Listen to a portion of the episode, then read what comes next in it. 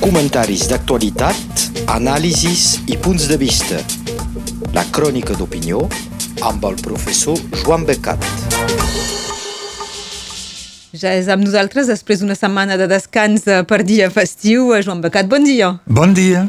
Avui parlarem, doncs, d'aquesta efemèride de la qual no vam poder tractar la setmana passada. Fa cinc anys de l'1 i del 27 d'octubre 2017. Sí, el mes d'octubre del 2017 serà recordat com un moment històric major per Catalunya, on se va acabar per una majoria de ciutadans el cordó umbilical amb l'estat espanyol.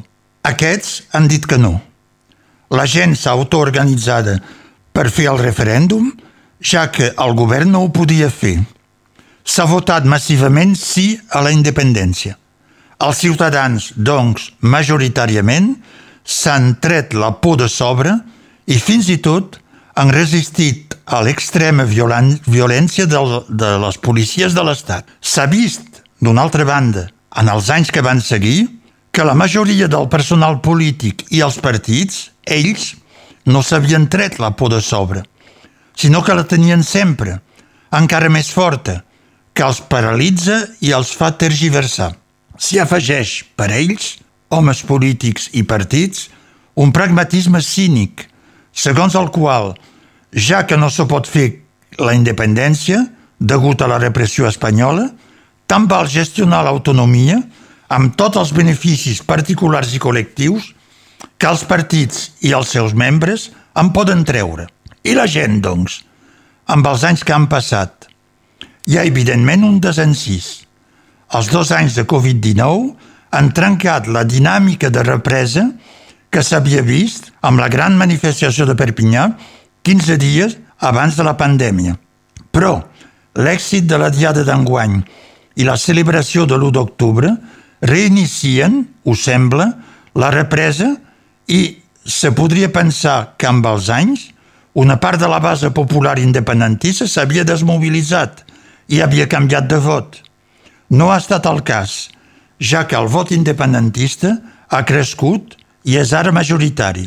Això vol dir que si la gent no s'ha manifestat o no ho ha pogut, no ha canviat d'opinió i continua sent desvinculada eh, en el seu cap, evidentment, a l'estat espanyol. Els partits estatals a Catalunya, és a dir, els que han votat la repressió i la continuen aplicant, com també Esquerra Republicana, posen en dubte la validesa de l'octubre del 2017. És evidentment una posició interessada per desmobilitzar l'independentisme, però és un error, perquè jurídicament el que ha passat existeix i guarda el seu valor. Ho acaba de recordar, per exemple, el Consell d'Europa en un text votat per la seva Assemblea General. Per tant, s'ha de recordar la situació creada a l'octubre del 2017, que és sempre vigent, perquè ni la Generalitat ni el Parlament de Catalunya no l'han anul·lada i substituïda per altra cosa. Precisament el referèndum va ser l'1 d'octubre 2017. Sí, ha tingut lloc, amb resultats clars que li donen legitimitat a l'època com avui dia. Com han dit els governs anglesos pel Brexit, faig una comparació, diuen i van dir no cal votar dues vegades al Brexit. El primer referèndum és l'únic i no s'ha de repetir. Doncs és el mateix a Catalunya. Mirem els fets. El primer és la participació i el resultat. El referèndum de l'1 d'octubre s'han obert i escrutat 2.286.000 paperetes, amb més de 2 milions de sí. Aquest resultat és molt superior al total dels vots dels partits unionistes i espanyolistes, sigui abans, sigui després, el referèndum i fins ara. Per tant, no hi ha foto. Les paperetes eh, escrutades representen 43% dels electors. Ja és un nombre suficient per legitimar, però hi va haver també els vots de les paperetes que eren dins les urnes robades o requisades amb violència per la policia espanyola i la Guàrdia Civil. Són 319 col·legis electorals i 700.000 electors. Se sap perquè se va fer el vot segons un cens universal. Què vol dir? Doncs que se podia anar a votar a qualsevol bureu, però l'elector només podia votar una vegada, perquè se li enregistrava el seu número d'identitat. Per tant, els electors que han dipositat el vot en les urnes robades no han pogut revotar, però se'n coneix el nombre. En total, doncs, entre paperetes escrutades i paperetes robades, és bastant més del 50% dels electors que van votar. Per tant, la validesa del referèndum i la validesa del mandat que dona és inqüestionable. Això ningú ho pot canviar, ni dir que no existeix. És. Els ciutadans de Catalunya han donat, doncs, un mandat al govern Puigdemont i al Parlament de Catalunya de proclamar i fer efectiva la República. Aquest mandat és sempre vigent, mentre no s'annuli o no substitueixi per un altre, a condició que sigui majoritàriament votat, evidentment. Per, si deixem enrere el referèndum doncs, de l'1 d'octubre, anem fins a finals del mes, el 27 d'octubre, amb la declaració d'independència. Sí, és el segon fet, aquesta declaració d'independència de finals d'octubre. Se va fer seguint el mandat ciutadà del referèndum de l'1 d'octubre, evidentment, amb vot d'una majoria de diputats que sabien el que feien. La proclamació se va fer al Parlament mateix, per la seva presidenta Carme Forcadell i pel president del govern Carles Puigdemont. No va ser seguida de cap concreció per fer-la efectiva. També és veritat, com per exemple un decret o una mesura qualsevol prevista per les lleis de desconnexió que s'havien votat al setembre. Però la república ha estat proclamada i continua existent. Queda sempre a fer-la efectiva, des de l'interior o des de l'exterior, com ho intenta fer el Consell de la República.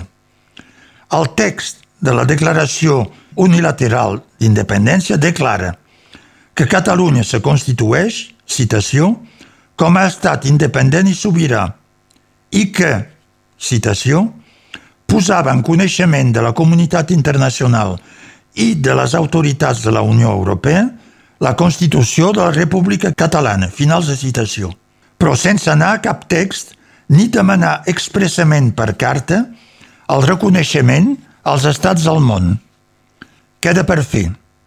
Ara bé, qui se va encarregar de fer-la conèixer, tot i demanant que no se la reconegui, eh, aquesta república catalana, és el propi govern espanyol de Mariano Rajoy, cosa que demostra, si ho calia, que qualsevol estat del món l'hagués pogut reconèixer és una validació directa de la declaració, tot combatent-la. Rajoy, en efecte, va fer enviar als 197 caps d'estats, membres de les Nacions Unides, una carta demanant que no reconeguin la independència de Catalunya. Doncs ho podia ser. Se sap que la Unió Europea se va posicionar al costat d'Espanya. I, per tant, van escriure o fer comunicats en aquest sentit el Regne Unit, en primer, ell té problemes amb Escòcia, França, Alemanya, Polònia i després tots els altres, més o menys ràpidament. A fora d'Europa, estats que tenen problemes amb minories nacionals també ho van fer. Xina, Turquia, Israel, Índia. També els Estats Units, Mèxic, Argentina, Brasil. Per la seva banda, Venezuela, va comunicar la seva solidaritat amb el poble de Catalunya, però sense reconèixer la república. Tot això demostra que la declaració existia i havia estat presa en compte, ni que sigui per rebutjar-la. Han passat cinc anys i ara en quina situació ens trobem? Ah, què? La línia l'ha marcat el president del Consell de la República, Carles Puigdemont, en una declaració filmada el dia mateix de, de l'aniversari. Va dir com a base, citació, la no aplicació dels efectes polítics de la independència no n'anul·len la vigència. I va afegir, la declaració d'independència marca l'inici d'un procés que només acabarà quan Catalunya sigui reconeguda com a estat independent. La qüestió és com? Doncs, a la conferència de l'UCE que ha fet enguany Alex Salmon, ex-primer ministre escocès, en posa clarament les bases. Diu que, primer, cap de les instàncies internacionals no donaran solucions ni ajudaran els moviments nacionals. És el país i la seva gent que s'ho han de guanyar. A Catalunya, la base ciutadana hi és, però després d'una independència ha de ser construïda i assumida per un Parlament o un govern, doncs per elegits i partits polítics. És aquí que la cosa falla. I Salmon constata la manca de seguiment fet per la classe política a l'impressionant suport popular per traçar noves estratègies. És la qüestió a Catalunya. Doncs considera que fallen els polítics. Considera també, i té tota la raó, que cal aprofitar el moment oportú on l'estat dominant se troba en situació més vulnerable. L'ANC ha dit que apuntava que serà el segon semestre del 2023. Per què? Doncs perquè Espanya presidirà el Consell de la Unió Europea. A llavors, podrà utilitzar descaradament la força i la violència contra un moviment català per la independència li serà més difícil, doncs serà oportú. A més, un text votat pel Consell d'Europa fixa límits per l'acció dels estats i reconeix com a opció política, en un marc democràtic, voler més autonomia o la independència. A quin estem? Passem ara a Catalunya Nord perquè dissabte eh, passat hi havia la manifestació de la commemoració del Tractat dels Pirineus sota lema de SEM Catalunya Nord. Sí, com cada any, aquesta manifestació. Recordi que pel Tractat del Pirineu, que eh, després d'una guerra entre França i Espanya, és Catalunya que va pagar el preu de la guerra, perdent tota la seva part nord. Doncs la manifestació va recórrer als carrers de Perpinyà, amb per sort menys tramuntana que la vigília. Si no, es caminava tot sol eh, fins al Castellet. Entre el mile gros de participant hi havia bastanta gent del sud i la presència del president Quim Tora, de Laura Boràs i de Clara Ponsatí. El recorregut va ser diferent i original, ja que després d'entrar al carrer dels Assa Lorena, nos van fer girar pel carrer Mallí, després pel carrer de l'Àngel, al carrer Voltera, antigament dels Esparters, la plaça de la República, per tornar a fer un petit torn pels carrers de la Vara i de la Llotja i arribàvem finalment a la Llotja i al Castellet. La manifestació, doncs, se va allargar en els carrers estrets del vell Perpinyà, que ja aquests carrers tenien molts compradors. Tenien gent a les taules dels bars i restaurants posades al carrer mateix, com també eren al carrer les parades de les botigues. Se va doncs fraccionar la manifestació en petits grups, com per una visita de la Vila Vella, que va agradar molt als catalans del sud que se miraven les botigues i les cases. Sort que hi havia les banderes per no perdre el fil de la manifestació. Original i encertat en aquest aspecte turístic. Els discursos van subratllar els dos problemes que coneixem, actuals, i que hi ha a Catalunya Nord. Un, la prohibició de l'ús del català a les sessions dels Consells Municipals, quan se permet o se tolera a altres regions l'ús del bretó, del cors i altres llengues, i sempre el tancament de les rutes transfrontereres de, per Costuja i el Coll de Banyuls, amb motius que fan riure.